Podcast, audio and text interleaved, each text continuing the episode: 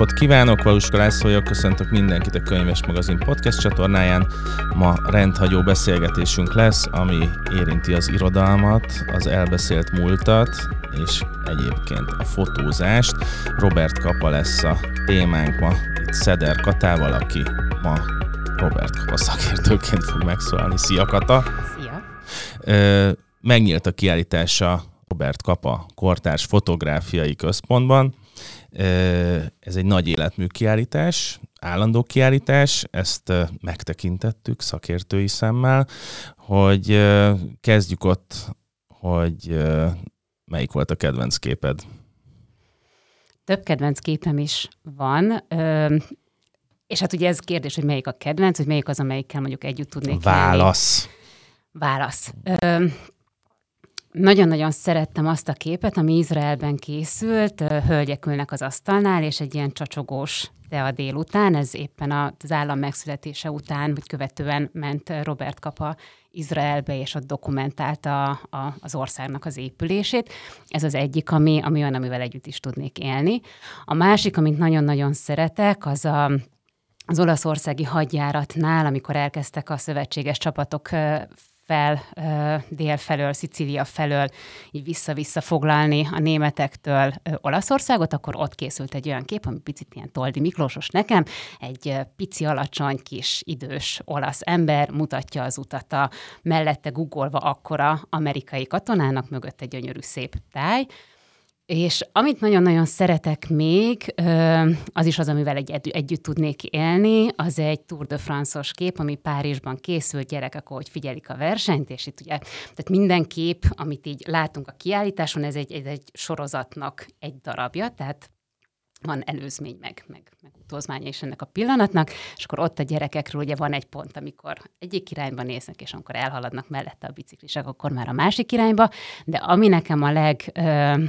legfontosabb Robert Kapa élmény, az igazából az első fénykép, amit, amit tőle láttam, ez a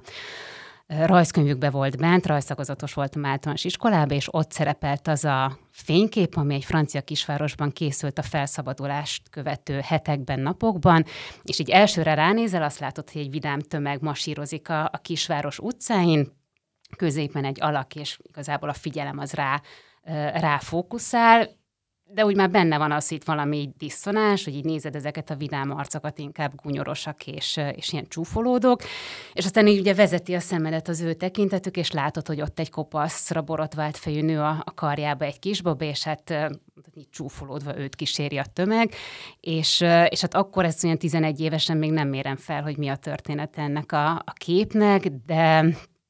de aztán, hogy így később elkezdtem vele foglalkozni, meg, meg ez így mostanában állt össze, hogy én a diplomamunkámat is végül is ennek a képnek a hatására ö, írtam, vagy választottam hozzá témát. Ott nagyon-nagyon sok minden lejön abból, hogy egyáltalán mi a háború, hogyan élünk meg egy háborút, hogyan számolunk el a, a háborúnak a, a védkesével, vagy éppen hogyan nem számolunk el, és hogy, ö, hogy a háború az egy emberi dolog dacára annak, hogy itt gépek és, és nagyhatalmak vívják egymással, de, de akkor is emberi sorsok dőlnek el és változnak meg egyik pillanatról a másikra. Igen, ez nagyon tehát, hogyha érzelmileg közelítek a kiállításhoz, akkor tényleg ebben az egész életműben ez a legcsodálatosabb, hogy megmutatja ezt a kegyetlen valóságot, hogy mennyire emberi egy háború, és hogy milyen jelenetek vannak benne, ami ami azért is érdekes nyilván, mert hogy a mai világunkban, ahol szétfotózunk mindent, és a, nem tudom, a, az, amikor az oroszok megtámadták az ukránokat, akkor Insta, TikTok és uh, Twitter fotókon, videókon már láttuk ezt a, az emberi uh, arcát a háborúnak rögtön, meg brutalitását, de hát ezt uh, Robert Kapa hozta el nekünk, és mielőtt rátérnénk a háborúra, engem nagyon izgat az, hogy, hogy ez egy valójában két szeméről beszélünk, Friedman Endréről, meg Robert Kapáról, és hogy meddig Friedman Endre és mikortól Robert Kapa valaki, az egy bizonyos szempontból tökéletes kérdés, mert egy, egy személy, hogy így utólag, tehát egy teljes állandó kiállítás kapott, így márkává vált, és ez a munkájában ott a piacon, az a média piacon is meglátszott annó, az, az egy nagyon-nagyon nagy dolog. Neked mi izgalmas Friedman Endrében? Először vegyük ezt. És nem beszélsz kapáról, csak Friedman Endréről. Friedman Endrében a vagánsága. Igazából ugye nehéz a kettőt elkülöníteni, hogy, De... hogy hol kezdődik az egyik és a másik, és hogy a Friedman Endrét meddig ismerjük, vagy a Friedman Endrét honnan ismerjük, tehát onnan ismerjük, hogy Robert Kapa elmeséli Friedman Endrét, és mm. akkor ott már ugye egy kapaképet, vagy egy, egy Robert kapát kapsz meg, hiszen ő hatalmas nagy történetmesélő volt, és ez nem csak a, a, a megélt élményeknek a, az átadása, amit sokszor teljesen máshogy mesélt el, hallgatóság igényeihez igazítva a sztorit, hanem, hanem a saját életére is vonatkozott. De a Friedman Endre, aki, aki így, így élte az életét Magyarországon, ő nagyjából 20 évig tartozott ez az országhoz, sőt, talán még annyi se, hiszen nagyon fiatalon mindenféle botrányokba keveredett. Ugye a zsidó származása a horti rendszerben már egy Prius volt, hogy bármiféle kavarodást okozott, és, és ezt be is börtönözték, ahol ahol csak úgy tudott kiszabadulni, hogy a szülei, akiknek jó módú szabászata volt, különben a Pilvax kávéház épülete volt az ő otthonuk, illetve a szalon is. Ugye ezeket a, a rangos kapcsolatokat mozgósítva kihozták a gyereket a börtönből, azzal az alkuval, hogy oké, okay, viszont akkor sürgősen hagyja el az országot, és, és vissza se jöjjön, ha lehet. Úgyhogy ő így került Berlinbe, majd pedig Berlinbe a náci hatalom átvételt követően, vagy Berlinből ö, átment Párizsba, de ő Berlinben már elkezdett tanulni, ö, újságírással, illetve fotózással foglalkozni, és ott már igazából ő nem a, nem a nem a semmibe érkezett, mert, mert elég sokan emigráltak már akkor az országból, tehát, és ismert is közülük jó párat, úgyhogy ő, ő, ő, ő már egy olyan ismerős közegbe csöppent bele, és, és kezdhette el építeni a kapcsolatait, és aztán Párizsba érkezve kezdett el így formálódni a, a Robert Kapa figura. Itt álljunk meg akkor még, mielőtt, mielőtt formálódik a Robert Kapa. Tehát, hogy tehát van egy srác, aki itt a rendszer ellensége. A rendszer ellensége, igen, és, és megvan a lehetősége, hogy külföldre menjen. A médiában kezd el, hát igazából tanulni, tehát hogy mi is ez a média, ahol egyszer csak azt mondják neki, hogy menjen el. Talán az első az konkrétan a Trotsky. Az az első, ami ilyen, egy ilyen fontos de Dániába készültek a, egy kongresszuson ezek a képek, és ez egy ilyen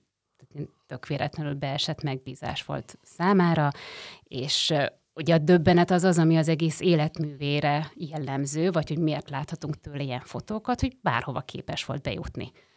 Amire csodájára járt a baráti társasága, meg, meg mindenki. Talán nem is volt vízuma, vagy valami hasonló útlevele nem volt, tehát hogy annyira terhelt volt a lehetőség, hogy eljusson Dániába, hogy most ezt nem tudom konkrétan, csak hogy borzasztó bonyolult volt.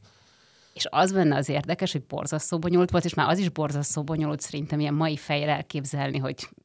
online ügyintézés és hasonló, vagy egy telefon, vagy egy, vagy egy tényleg odaszólsz ismerősnek ráírsz, tehát nem, ugye itt még a telefon se biztos, hogy evidens, de az, hogy két-három nap alatt csak azért, mert jól kommunikál, jó kapcsolatokat tud mozgósítani egész élete folyamán, meg tudta azt oldani, hogy neki legyenek papírjai, az már eleve egy ilyen wow, tehát ez még ma is szemmel is szerintem egy olyan teljesítmény, amit, amit sokan irigylünk tőle. Igen, a Trotsky, uh, Trotsky beszédről készült képek voltak az elsők, amik, amikkel ő felkeltette magára a figyelmet, és aztán onnantól kezdve ő ugye kereste mindig azokat a lehetőségeket, ahol, ahol, ő, ahol ő durranthat, és aztán ugye Párizs hozza meg a változást, vagy hát ezt a, ezt a szintlépést az életébe, és és kerül be abba a körbe, ami, ami élete további részében is azért meghatározó lesz. Tehát akár az André Kertészhez fűződő viszony, akár ugye az a művésztársaság, aki vissza-vissza köszön a képein, és, és ott is így nézett éjfélkor Párizsban mm. asztaltársaságánál ülnél, mert mindenki, akit, akit ezekben az években Párizshoz kötsz, az Salvador Dali, Hemingway, Steinbeck, Matisse, Dali megjelenik ezeken a fotókon És, és akkor itt viszont szembesül azzal, hogy hát ez a Friedman Endre név, ez viszont nem hangzik túl jól, akkor van egy kísérletezés azzal, hogy mi lenne, ha André lenne, de hát már van egy híres André nevű fotósunk, és történetesen ő is magyar, úgyhogy, úgyhogy elkezdenek azzal eljátszani, vagy azzal a gondolattal, az élettársával, Gerda Táróval, de már ez is egy felvett név különben, hogy, vagy ő is akkor vette fel ezt a nevet, hogy mi lenne, hogyha kitalálnánk egy, egy personát. Tehát megalkotnánk egy híres amerikai fotóst, ugye Amerikának ekkor elég jó a reputációja, és, és egy olyan névvel kezdenénk el házalni, hogy mi a kis ügynökei vagyunk, itt vannak ezek a képek, mit szólnál, hogyha ö, te hozhatnád le elsőként, és rögtön az eladási ö, számokon látszik, hogy többszörösét tudják kérni egy képnek azáltal, hogy itt most nem egy André Friedman házal a, a fotókkal, hanem egy Robert Kapa. Itt ugye a névnek az eredete is érdekes, hát a Robert az egy népszerű, jól hangzó ö, amerikai név, ráadásul Robert Taylor akkor egy nagyon menő ö, színésznek számított. A kapát azt meg eredeztetik onnan is, hogy... Ö, Én nagyon a cápának szurkolok. Igen, itt ugye szintén megint csak több, több, több, több mese van, hogy a, ez a széles mosoly, meg a, meg a, meg a száj formája, hogy cápának csúfolták, és hogy akkor a kapa a cápa, vagy pedig ott bejátszik Frank Kapra, akinek akkor a, ez, történt egy éjszaka című filmje, az, az hatalmas nagy siker volt, meg Kapra akkor nagy rendezőnek, tehát ilyen top-top rendező volt éppen, tehát hogy akkor ezt a kettőt így kezdjük el ötvözgetni, és, és próbáljuk ki ezt a nevet. Itt a, nekem és a... bocsánat, még az is hozzá tartozik, hogy miután megszületett a Robert Kapa, akkor onnantól kezdve az ő ö, megjelenés és egy ilyen látványos változáson ment át, tehát az ilyen bongyor keszekusza, fekete haj az, ahogy kell, pomádézva, lenyálva szépen a fejhez simult, és az öltözéknél is ezt a hanyagalegancia került inkább ö, előtérbe, mint a... Egy olasz mafiózó lett hát belőle. igen. A, engem az, tegnap a kiállításon az érdekelt, vagy az, az nagyon tetszett, hogy tehát, hogy ezt a váltást, tehát, hogy azt mondja, hogy akkor Robert kapára vált, ezt valójában még azért nem sok minden előzte meg. Tehát a Trotsky elment lefotózni, és, és amennyire megértettem mondjuk egy ilyen szerkesztőségi szempontból, tehát hogy az, ott, ott ez egyáltalán nem művészetről beszélünk, hanem arról beszélünk, hogy van egy médiamunkás, akinek az a feladata, hogy lefotózza a Trotskit, lefotózza a háborút, és aztán maga a piac logikája szerint, amikor az újság elejére rakják, akkor olyan erősek a képek, hogy kimutatható, hogy az ő képeivel több példányt lehet eladni, meg jobban illusztrálja a, a, az adott témát. Tehát, hogy ez egy maga a piac teszi nagyjá, vagy fontossá kapát, és egy másik fontos dolog, hogy hát ő aztán tényleg mindenhova elment. A Trotsky történetben nekem azt tetszett, hogy a állítólag Trotsky nem nagyon szerette, hogy fotózzák, eléggé kontrollálva volt az, hogy hogyan készülhetnek róla képek. Ő meg egy kis fényképezővel bement és megcsinálta a fotókat, ami, ami hát megint csak egy tök nagy dolog, mert ehhez semmi másra nem volt szükség, mint egy olyan technológiai fejlődésre, amiben a nagy doboz fényképező gépeket le lehet cserélni egy kisebbre, ami elfér egy zsebben. És, és hogy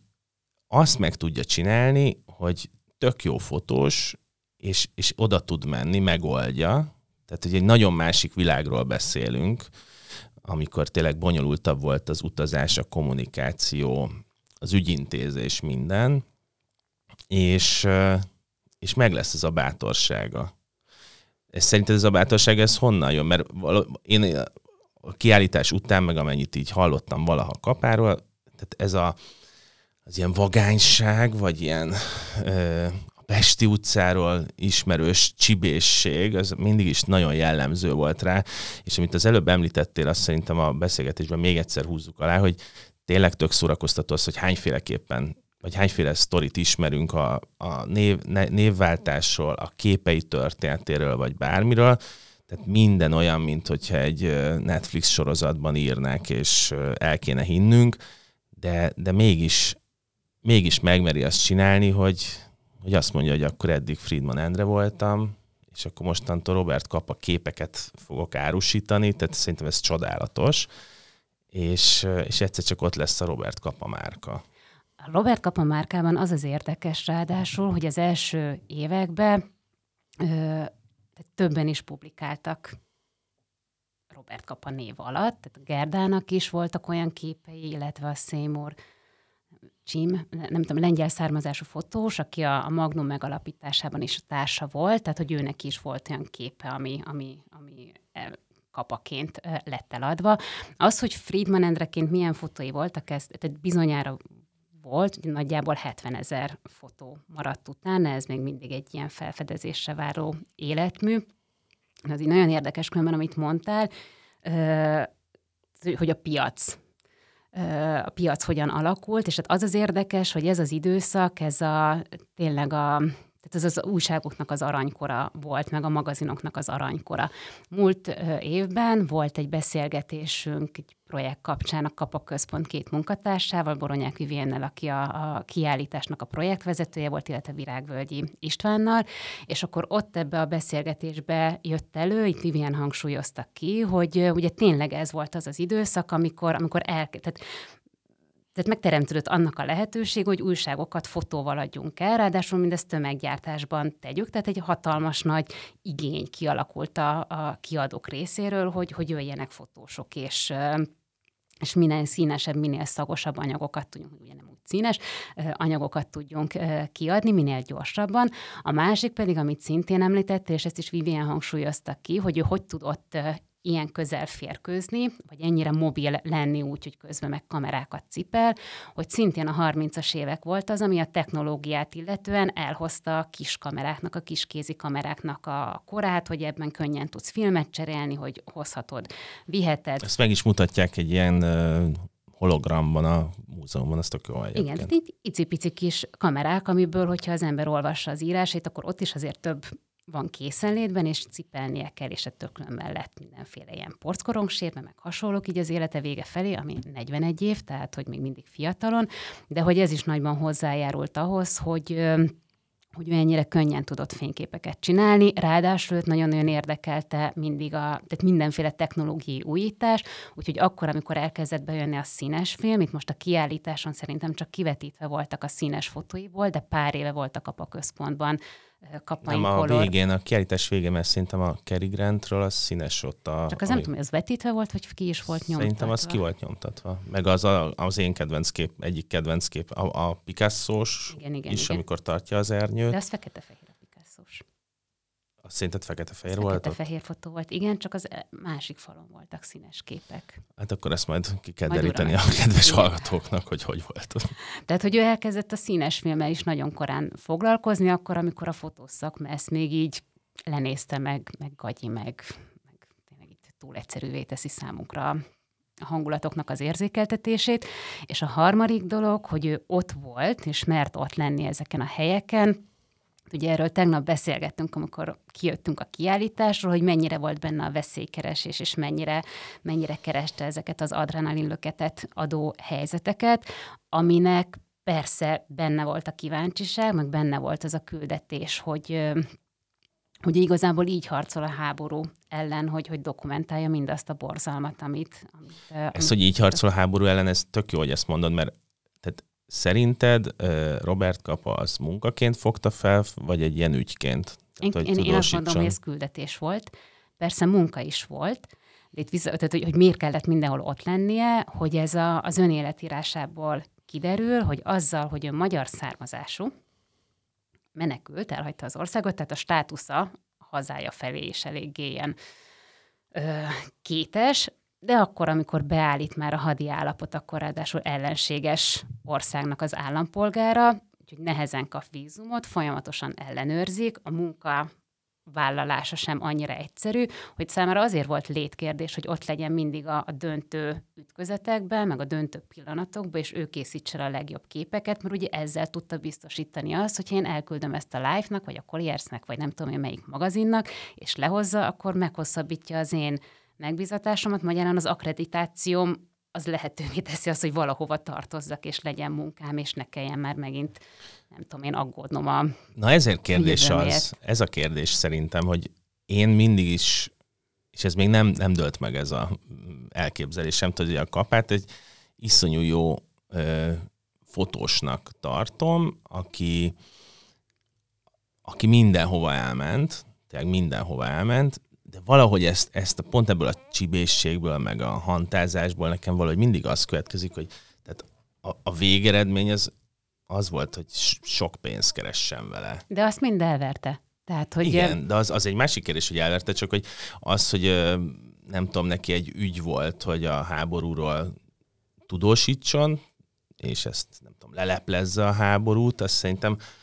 tehát nekem az az elképzelésem, hogy kicsit hajlamosak vagyunk ebbe beleolvasni, miközben nyilván ezt csinálta meg a képeivel, hogy leleplezte a háborút, és megmutatta ennek a kegyetlenségét, meg a, megmutatta azt is, hogy a háborúban milyen, amikor zajlik az élet, tehát hogy ettől volt rohadt izgalmas, csak nem tudom, hogy ezt ő ennyire tudatosan csinálta Szerintem, igen, és szerintem ő ezt meg is fogalmazta talán ö, több ízben is, de hogy tehát nekem ott jön le a küldetés része, hogy, hogy azért erről a háborúról lehet másféle fotókat is csinálni. Tehát lehet a hősies, lehet a, a, a szennyet, a mocskot, lehet tényleg a dicsőséges bevonulást, vagy, a, vagy az ilyen gyászos temetést, vagy hasonlókat is fotózni, de, ha, de a képeit, ha, ha nézed, akkor abban az a, az a döbbenet, hogy olyan embereket látsz, mint, mint, mint te magad, ugyanazokban az érzelmekben, amit, tehát amikkel tudsz azonosulni, és hogy olyan pillanatokat fog meg, meg annyira emberien mutatja be, amiben most már azért veszük hatásvadásznak, mert olyan olyan nagy utóélete van ezeknek a képeknek, és annyi alkotásban köszönnek vissza, hogy te is említetted, amikor ott voltunk a kiállításban, hogy az utolsó bevetésénél az Indokínában készült fotók, hát az tiszta apokalipszis most, vagy hát azt tudjuk, hogy a Ryan közlegény forgatása az ott a nyitó jelenetnél Spielberg ugye az egyetlen fotós dokumentációhoz mm. tudott csak nyúlni, ami kapának a, a, a sorozata a partra szállásról, tehát hogy, hogy ezek ugye már kicsit át is minősültek, és, és néhány nem beállítás, mert ezek nem beállított képek, de, de mégiscsak átmegy a, abba, hogy, hogy hatásvadásznak is tűnhet akár, de önmagában nézve ezeket a fotókat, igazából az jön le, hogy, hogy valaki ilyen nagyon-nagyon érzékeny szemmel figyelte ezeket az embereket, és nekem például nagyon é- nagy élmény volt úgy nézni ezeket a spanyolországi polgárháborús fotókat, hogy, hogy mellette intenzíven mind a mai napig megvan mondjuk Hemingway-nek a búcs, vagy az, akiért a harang szól. És akkor ott ugye leír egy ilyen lincseléses jelenetet, meg egyáltalán hogy kell elképzelni a polgárháborút, amit hál' Istennek ugye nincsen személyes tapasztalat, de így, hogy ez összeáll a képekkel, így egy, tehát egy ilyen liba, még most is, tehát egy ilyen libabőr ö, élmény tud lenni. És, és igazából ő ettől volt, ö, ettől volt különleges, vagy különleges mind a mai napig, hogy az a tehát az a szeretet, meg az a, az empátia, és akkor persze egy fotós mennyire lehet tehát mennyire segíthet, mennyire lehet csak szemtanú, mennyire avatkozhat be, ez, ez, ez ugye egy állandó kérdés, de hogy, de hogy hát ő ezt így mesterfokon hozta, és szerintem ez meg ösztönös. Az, hogy mennyire, ez, ez tökéletes volt, hogy mennyire dokumentálja a helyzetet mondjuk, vagy, mint ami a kapánál van, hogy mennyire teremti meg azt a világot. Mert hogy abban a világban vagyunk, amikor még nagyon kevés ilyen képi információnk lehet arról, hogy mi történik a világ különböző pontjain, és, és szerintem a kapa ebben volt zseniális, hogy a képeivel, egy-egy képével el tudod beszélni egy nagy történetet. Azért a fotós az alapvetően a, az illusztráció miatt kell, hogy kimenjen a, a bevetésekre, és az újságíró az megírja a riportját. És, és ezekben a képekben, és most a spanyol polgárháborút említetted, ahol most tegnap mondjuk a kiállításon láthattunk tizenvalány képet, nincs annyi. Szerintem több volt különben. Akkor lehet, mindegy. Tehát valamennyi képet láttunk róla, de nekem egy olyan erős élmény volt, hogy végig sétáltunk ezen, hogy így lett egy nagyon erős érzésem erről, és nagyon sok minden most az apokalipszis most, vagy a Ryan közlegény megmentése, az, azok nem csak, hogy filmek, amik megidézik ezt a képi világot, hanem valójában, a, amit a háborúról így látunk, gondolunk, az iszonyú, tehát hogy nagyon, nagyon mélyen meghatározza azt, hogy a kapa hogyan mutatta meg a különböző háborúkban az embert, és, és utána ez a különböző művészeti ágakban, meg nyilván filmben, meg akárhol, ezek folyamatosan visszaköszönnek. Tehát szerintem az ő bravúrja, és akkor ha most itt ülne a stúdióban, azt kérdezném meg, hogy ahhoz képest a történtek ismeretében hogyan árazná újra a képeit, mert mint amikor mondjuk el kellett adni a spanyol polgárháborúról a híres fotót. Tehát, hogy ő tényleg teremtő erővel bírt abban az értelemben, hogy máshogy kezdtél el utána tekinteni a háborúra, és, és ez szerintem fantasztikus, és ez nem tudom mi múlik, mert én még mindig a, a, abban az érdeklődésben látom a, a, a nyitját ennek, hogy folyamatosan jött-ment, és kapcsolatokat teremtett, és élte az életét, de, de ugye mégis onnan indulunk ki, hogy közel kellett mennie, és van az a híres mondás erről, hogy ha nem elég jók a Igen. nem voltál elég közel. És hát, és hát tényleg, tehát, hogy erről szól az összes fotója, hogy ő, a, és ezt nem tudom, hogy igaz-e, de hogy mintha azt mondta volna André Kertész, hogy ő beépítette valahogy a bátorságot abba, hogy hogyan gondolkodunk a fotózásról. Tehát ez nem pontos idézet, ha nem így volt, akkor elnézést, de jól hangzik. Mert hogy tényleg oda kellett mennie, tehát veszélyeztette a saját életét, bármit, de ez kellett ahhoz, hogy el tudják mesélni a háborút. Tehát amikor ő egy háborús osztaggal megy, az valójában újságírói feladat, PR feladat, érted? Most is vannak a különböző hadosztályoknak, meg nem tudom miknek fotó, fotósai. Igen. Tehát ez, ez PR munka volt, és ugye voltak a haditudósítók, meg a, meg a fotóriporterek, tehát Hemingway haditudósító volt, és sok-sok író töltött meg még ilyen szerepet, és ő pedig ugye fotóriporter. Itt mondod, hogy illusztráció, meg hogy mit mesél el a képeivel. De ő akkor, amikor még itthon dédelgette a, a, a jövőbeli álmait, akkor író szeretett volna lenni. De hát azzal, hogy elment, el kellett mennie külföldre, elveszítette a nyelvet, és, és hát rengeteg anekdóta fennmaradt arról, hogy hát az a nyelv, amit Kapa beszélt, az tényleg egy ilyen nagyon izgalmas egyvelege volt az európai nyelveknek, amiket menet közben magára szedett. Egyiken se tanult meg tökéletesen. Van egy van egy nagyon helyes interjú vele a könyvet, tehát a, a Kissé elmosódva című önéletírásának a megjelenése után készült, ez egy amerikai anyag, fönt van különben YouTube-on, meg lehet hallgatni, és hát ott lehet hallani az ő nagyon sajátos angolságát, meg, meg ahogy kever bele szavakat. Tehát, hogy a nyelvet, mint kifejező eszközt azt, azt elveszítette, viszont a képeivel meg megéri ezeket a, a történeteket, és, és itt ez a, az önéletírása, amit most így végig is olvastam rendesen, hogy készültem a beszélgetésem, a kiállításra, tehát azt olvasva pedig hihetetlen ritmusérzékkel és mesélőkével és szellemességgel mondja el annak a két-három évnek a történetét, ami, ami a, a második világháború a második felétől ö, datálódik, és mindezt úgy, ez volt benne az érdekes, hogy kb. mintha Gorcseviván ö, rejtőjenőtől mm. átlépett volna ezekre az oldalakra, tehát azzal a szellemességgel, azokkal a poénokkal, és az elején itt elmondja, hogy itt van egy ilyen nagyon helyes idézet, hogy a valóságot megírni mindig nagyon nehéz, így hát az igazság kedvéért megengedtem magamnak, hogy néha egy kicsit túllépjek rajta, vagy egy kicsit eloldalazzak mellette. Ennek a könyvnek minden eseménye és szereplője a képzelet szülötte, de van valami közük az igazsághoz is. És persze megváltoztatott neveket, de az, amikor mondjuk leírja a partaszállásnak a történetét, hát ott egy az egybe érzett, hogy ez egy, uh-huh. ez egy nagyon kamény és masszív történet volt.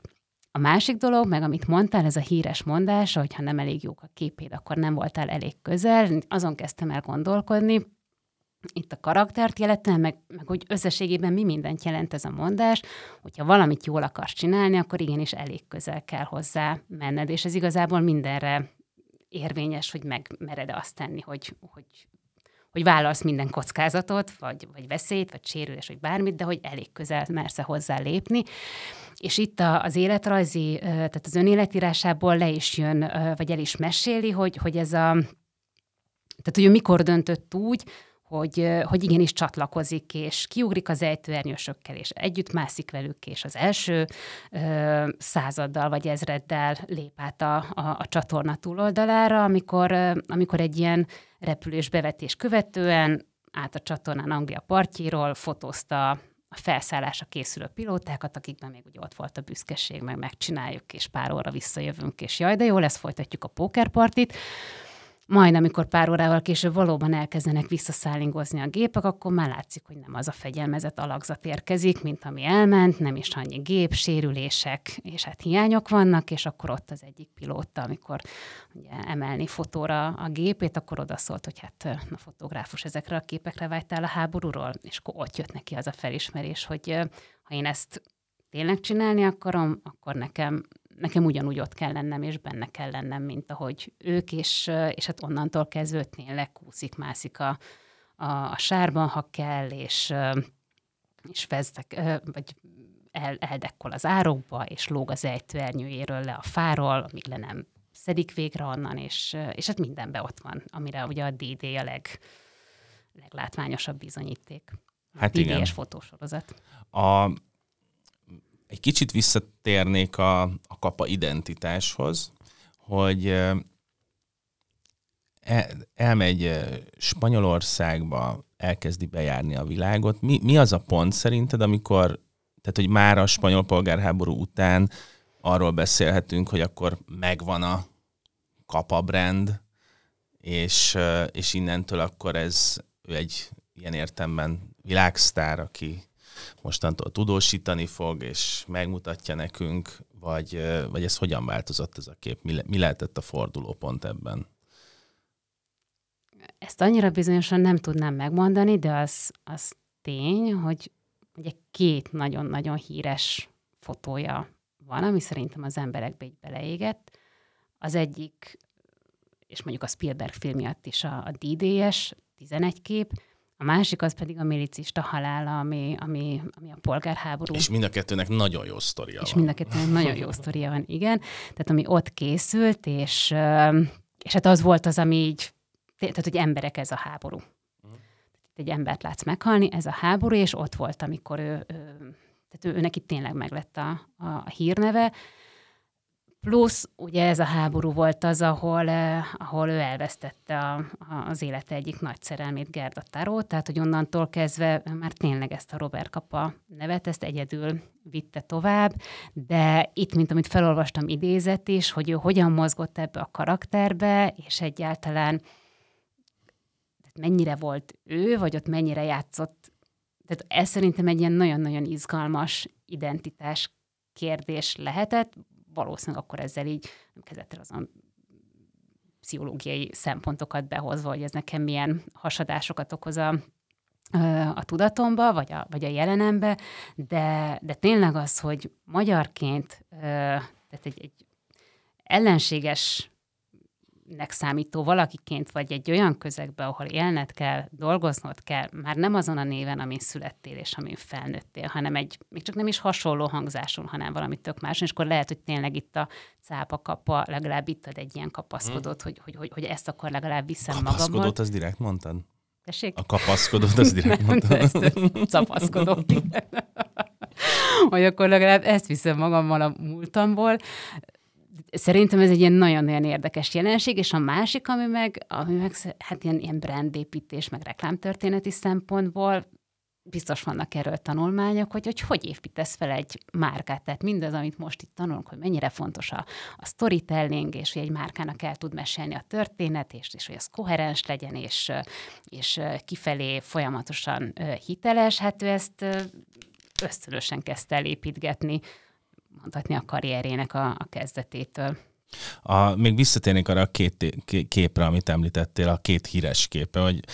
tehát, hogy az egyikre, ugye a milicista halálára, ott, ott az a legend, ott van egy nagy legenda, amit most nem fogok tudni felidézni, de hogy ő maga is azt mondja, hogy kb. csak izé ki, kiemelt a fényképezőgépét, és így sikerült. A, a másiknál, a D-Day-nél meg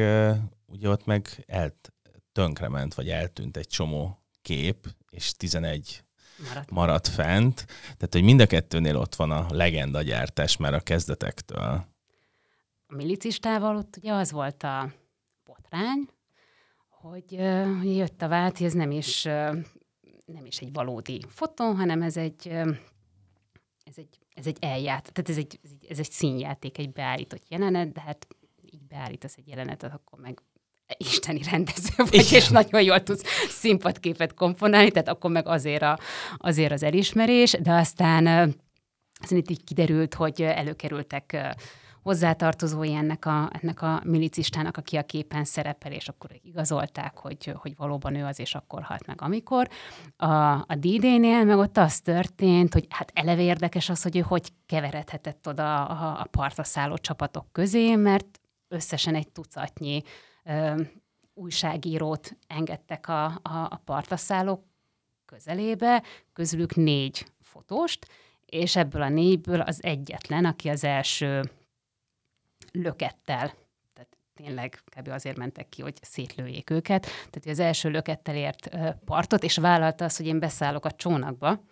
és uh-huh. megyek, az, az egyedül kapa volt, és hát itt meg így jön a handabandázós, hogy ő hogy felkészült erre a partaszállásra, mert vett magának egy ezüst lapos üveget, ez mindig jól jön, rengeteg alkohol fogyasztásról van szó az önéletírásában is, plusz vett magának egy bőrböri esőkabátot, mert mégiscsak csapadékos környezetbe fog megérkezni, úgyhogy ez így elegáns és jól jöhet.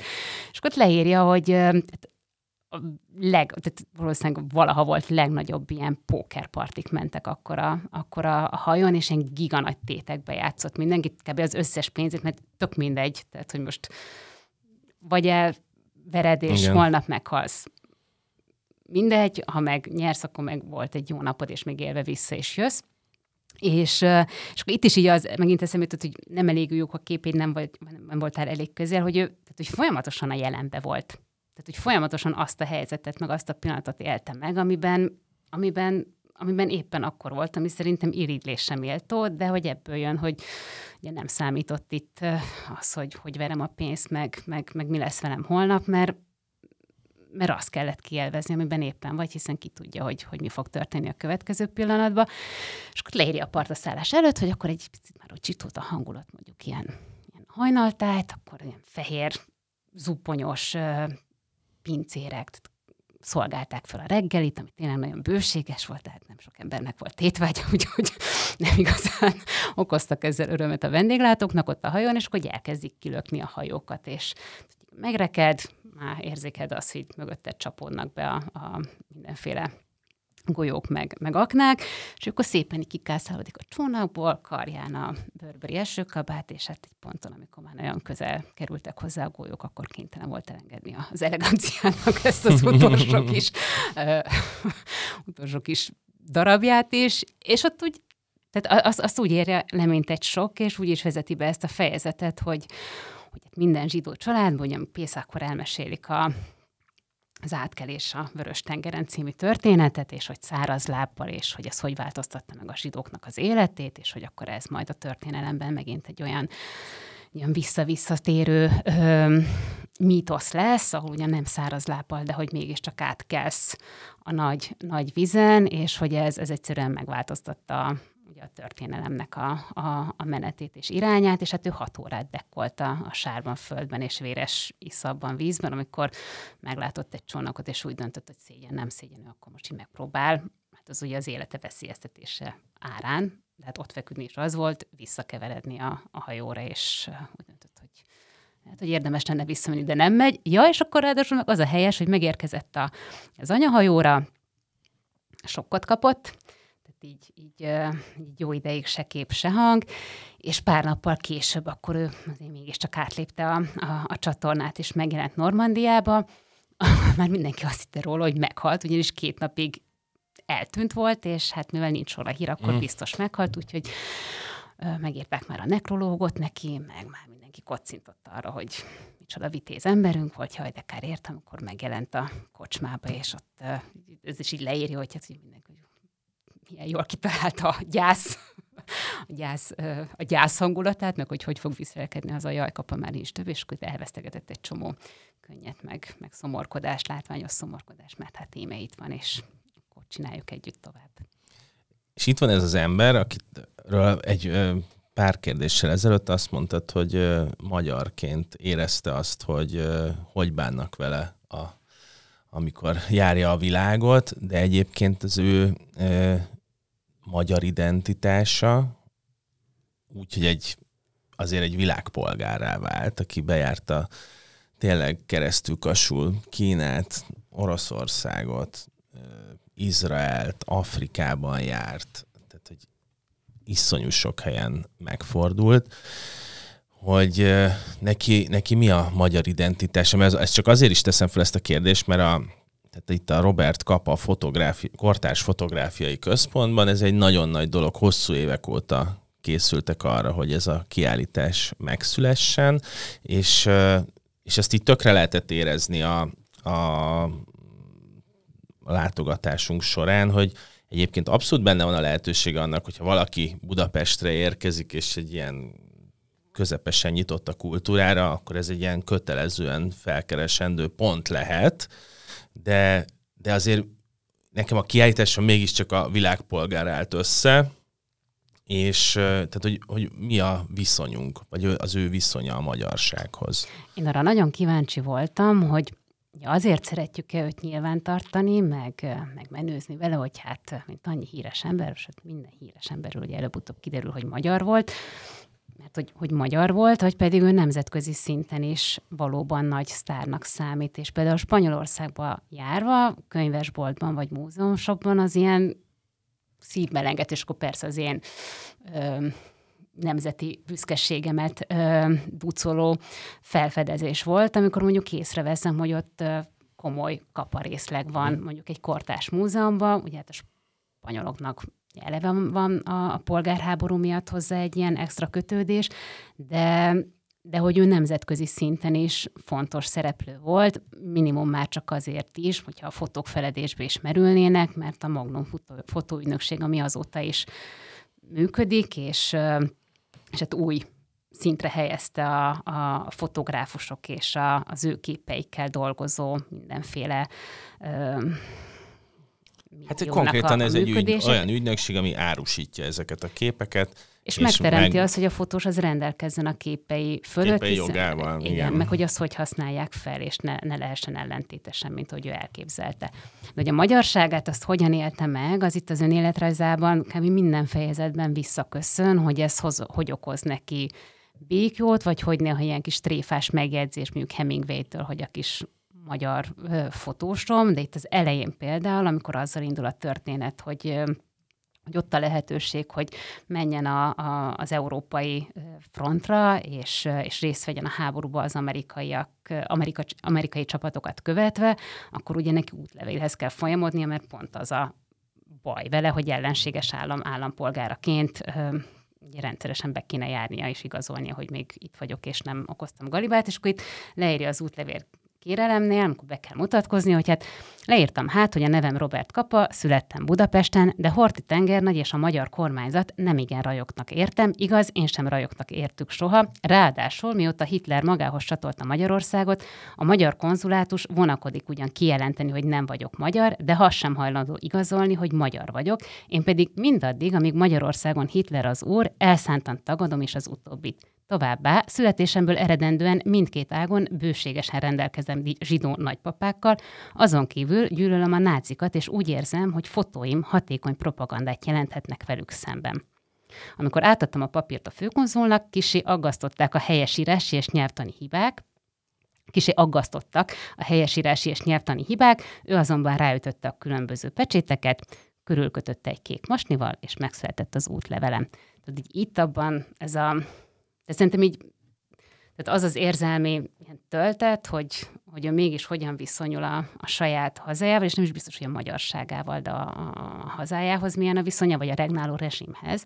az benne van, és ez tényleg többször előkerül a, a, a könyvben is, hogy akkor ő,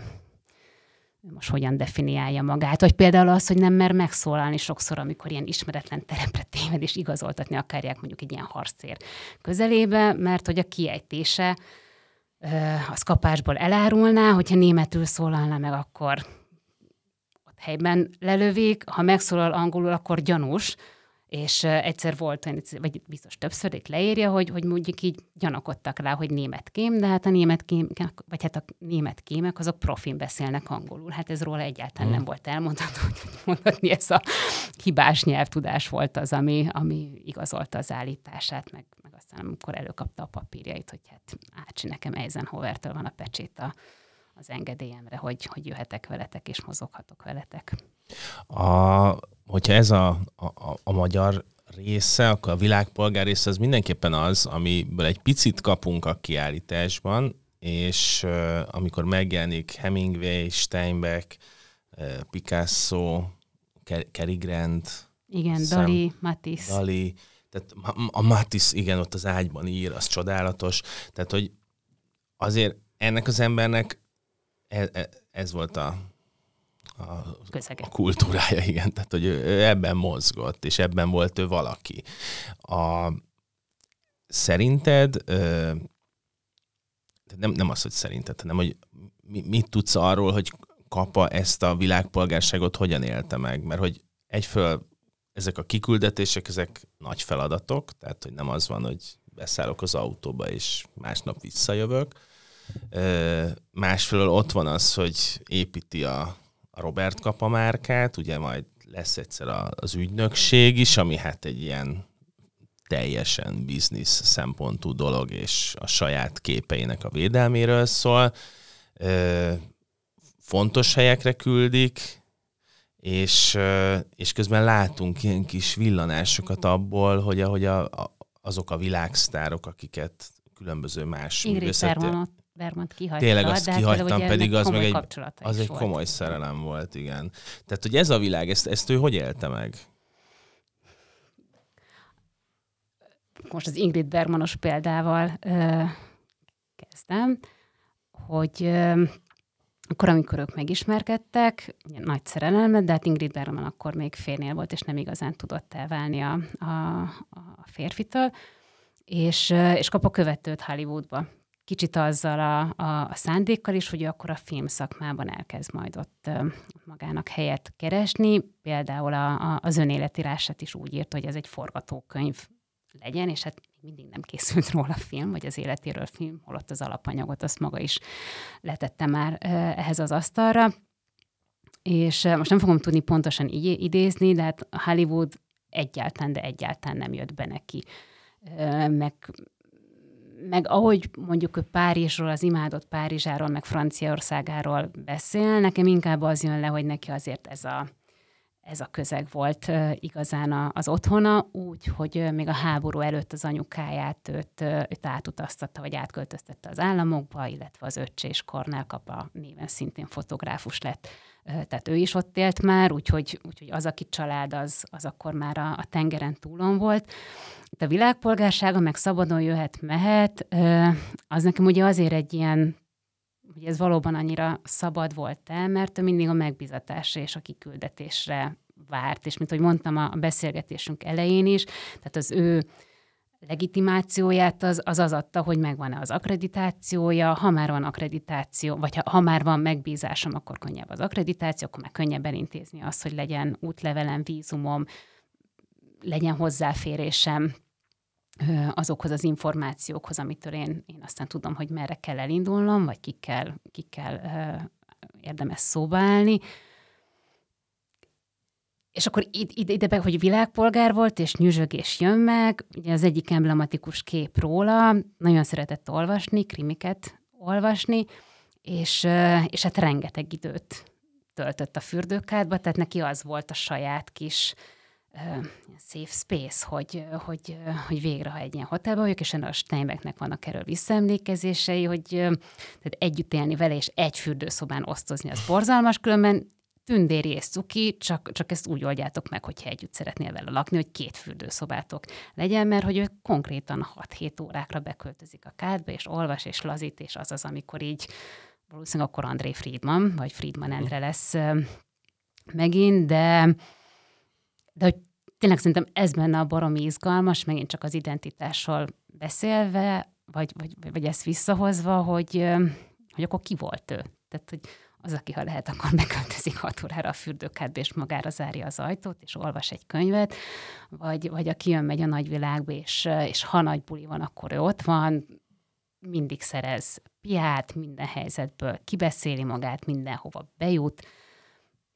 és akkor ez, ez, ez, ez a szerep része, mert hogy egy Robert kapa az ilyen, vagy pedig, vagy pedig ez is Friedmanból jön. És biztos onnan is, tehát hogy ez egy ilyen meghasonlott lét. Hát igen, és uh, nekünk így az utókornak, csak hogy egy ilyen lekerekítsem ezt a beszélgetést, azért is nagyon érdekes ez a kiállítás szerintem, mert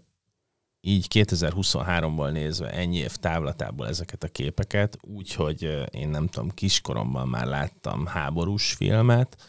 és, és ezeken nőttem fel. Iszonyatosan zavarba ejtő az, hogy az, ahogy most tekint, ahogy most mutatják meg a háborúkat, azok valójában mind ott vannak már a kapa képeiben, ahogy az is benne van, hogy ezeket, ezekből hogy lesz mondjuk a Hollywoodban egy önálló piaca háborús film, vagy az akciófilm ilyen szempontból, hogy mit mutatnak meg, és egyébként meg akár a propagandában is az, hogy a háborút hányféleképpen lehet ábrázolni. Tehát, hogy a, például a, amikor Kínában azt hiszem, ott ilyen diákokat fotózott, akik Kisfiúk, ilyen, azok félelmetes fotók különben. azok félelmetesek, így, így a csípőjükre teszik a kezüket, és fölemelik a fejüket, és egy irányba néznek, tehát hogy rögtön ott van az a rendszer, amit érted, ez a kép, ez kis túlzással ma is elkészülhetne. És bocsánat, ennek a képnek mondhatni ott a párja, csak az idő nem, az később készült el, és Kapa azt mondta, hogy neki például ez a kép maga a háború, amikor Nápolyban, tehát eljutottak Nápolyig, akkor ott járt a, a, a város, tehát ami eléggé ö, rossz állapotban volt, és, és akkor betért egy templomba, ahol ilyen édeskés szag csapta meg az orrát, meg észrevette, hogy ott egy rakás zömében nő, aki, aki énekel, meg, meg, meg sírdogál, és hogy, hogy amit így körbeállnak, az rengeteg koporsó. De ugye ezekből a koporsokból így lábakcskák lógnak ki, és, és úgy összerakta fejbe, hogy hát úristen, ezek gyerekkoporsók, és akik a koporsokban fekszenek, ők gyerekek, de hát ők már nem pici gyerekek, de még, még, még nem felnőttek, hanem ők azok a partizán fiúk, akik, akik, akik hazájuk, családjuk, mi egymás, minden más védelmében fegyvert ragadtak, és hát az utolsó napokban áldozatául estek a, a, a visszavonulásnak. És akkor nézed ezeket a kínai, tényleg 10-12 éves arcokat,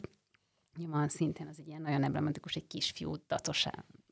állal így a fejét felszegvár, és ilyen kicsit alulról van fotóz, hogy még, még, még nagyobbnak, hogy ilyen kis tekintélyesebbnek tűnjön.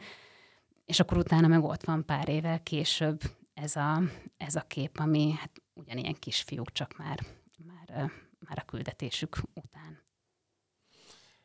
Most egy kicsit elvesztettem a fonalat, hogy hol tartottam, de Hollywoodnál azt hiszem. Igen, meg hogy a háborúra háború. tekintünk, és hogy ezekből a képekben minden benne van. Ami, Igen, ami, tehát hogy, hogy, hogy csak látunk. azt akartam így lekerekíteni, hogy, hogy tényleg elképesztő úgy megnézni ezt a kiállítást, hogy tudod, hogy egy már lezárt életműről van szó, amit, aminek óriási a hatása a vizuális kultúránkra, de egyébként, egyébként annyira élő képek ezek, hogy sok esetben, hogyha nem fekete-fehér lenne, akkor zavarba ejtő lenne az is, hogy ez mikor és hol készült. Úgyhogy csak azt akarom mondani így zárásképpen, hogy szerintem tehát azt mindenki ketten javasolhatjuk, hogy nézzék meg a, a Robert Kapa Kortás Fotográfiai Központban a kiállítást, és bár beszéltünk háborúról, meg színes élettörténetről, szerintem még egy dolgot nem mondtunk el, hogy iszonyú érzelemgazdag ez a kiállítás. Tehát, hogy ahogy megmutat különböző hangulatokat, nekem az egyik kedvenc képemen egy ilyen egy asztalon, egy ilyen romos városban kávét isznak valami kis, szinte befőttes üvegből. Tehát, hogy annyira jelen van, és annyira ott van, és annyira át tudja adni azt, hogy milyen az élet ezekben a helyzetekben, hogy már ezért érdemes elmenni, megnézni, mert lehet, hogy a háború van lefotózva, de hát így a, a vége az mindig az, hogy így a nagyon az emberit, meg az életet mutatja meg Robert Kapa. Hát ez lett volna a beszélgetésünk Szeder Katával. Köszönöm Kata, hogy válaszoltál a kérdéseinkre, és akkor jó szórakozást a kiállításhoz mindenkinek. Köszönjük a figyelmet, viszont hallásra!